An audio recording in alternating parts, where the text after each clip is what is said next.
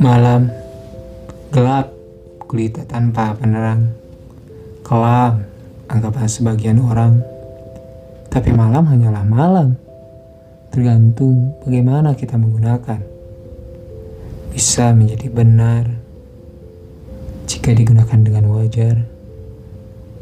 Dan bisa salah jika digunakan tidak wajar. Ya, malam hanyalah malam. Selamat malam, para pendengar.